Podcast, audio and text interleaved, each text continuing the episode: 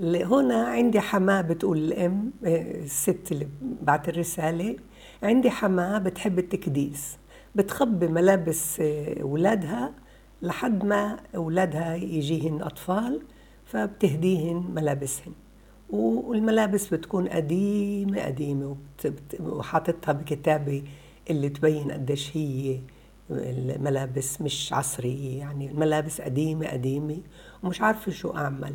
أنا إسا بدي أخلف وبدها تستخدم هاي الطريقة معي وبديش أنا أزعلها وبنفس الوقت أنا بديش ألبس طفلي المولود الجديد ملابس أبوه اللي من عشرين 30 سنة.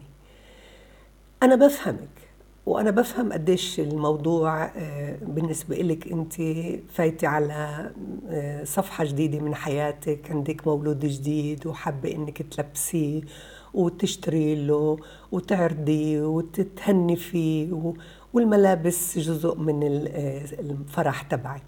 بس يعني كمان إيش بصير؟ إذا لما تيجي بلبسه من ملابسه اللي أعطتني إياها إيش بصير؟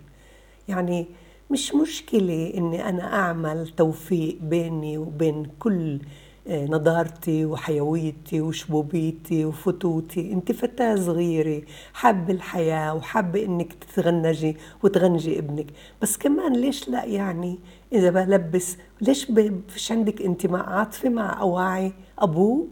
اواعي المولود الجديد عم تعطيك إياهن مخبيت لك إياهن. أنت بتقولي هي بتحب التكديس. لا هي مربوطة عندها رابط عاطفي مع أواعي أولادها وكتير في أهالي من هالشكل. كتير في أهالي بس يولد المولود الجديد بهدوء ملابس أولادهن هذا مش إشي غريب علي أنا.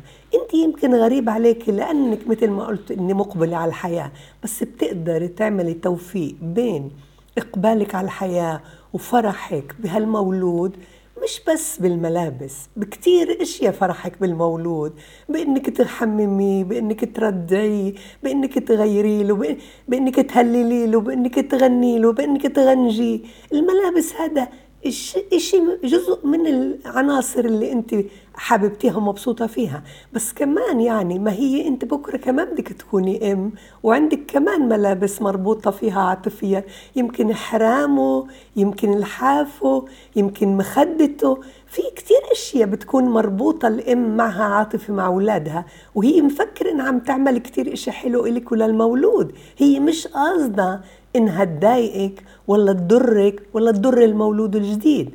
كون افتحي هيك قلبك سلامك الداخلي ما خصش بالمرة بإنك أنت تنغمي وتقولي بتحبي التكديس. لا خلي سلامك الداخلي يكون بعده هني وبعده مبسوط وأقبلي على الحياة وأعملي على إنك أنت كمان تفرحيها بحفيدها اللي مولود جديد اللي هو أبوه ابنها. وهيك أنت بتكوني عملتي توفيق بين إيش أنت بتحبي وسلامك الداخلي؟ اشتري له لبسيه وتهني فيه بس مش رح يضايقك إذا بتلبسيه لما بتيجي هي. خليها تفرح وتشوفه إنه لابس من ملابس طفولة لما كان طفلها مولود جديد.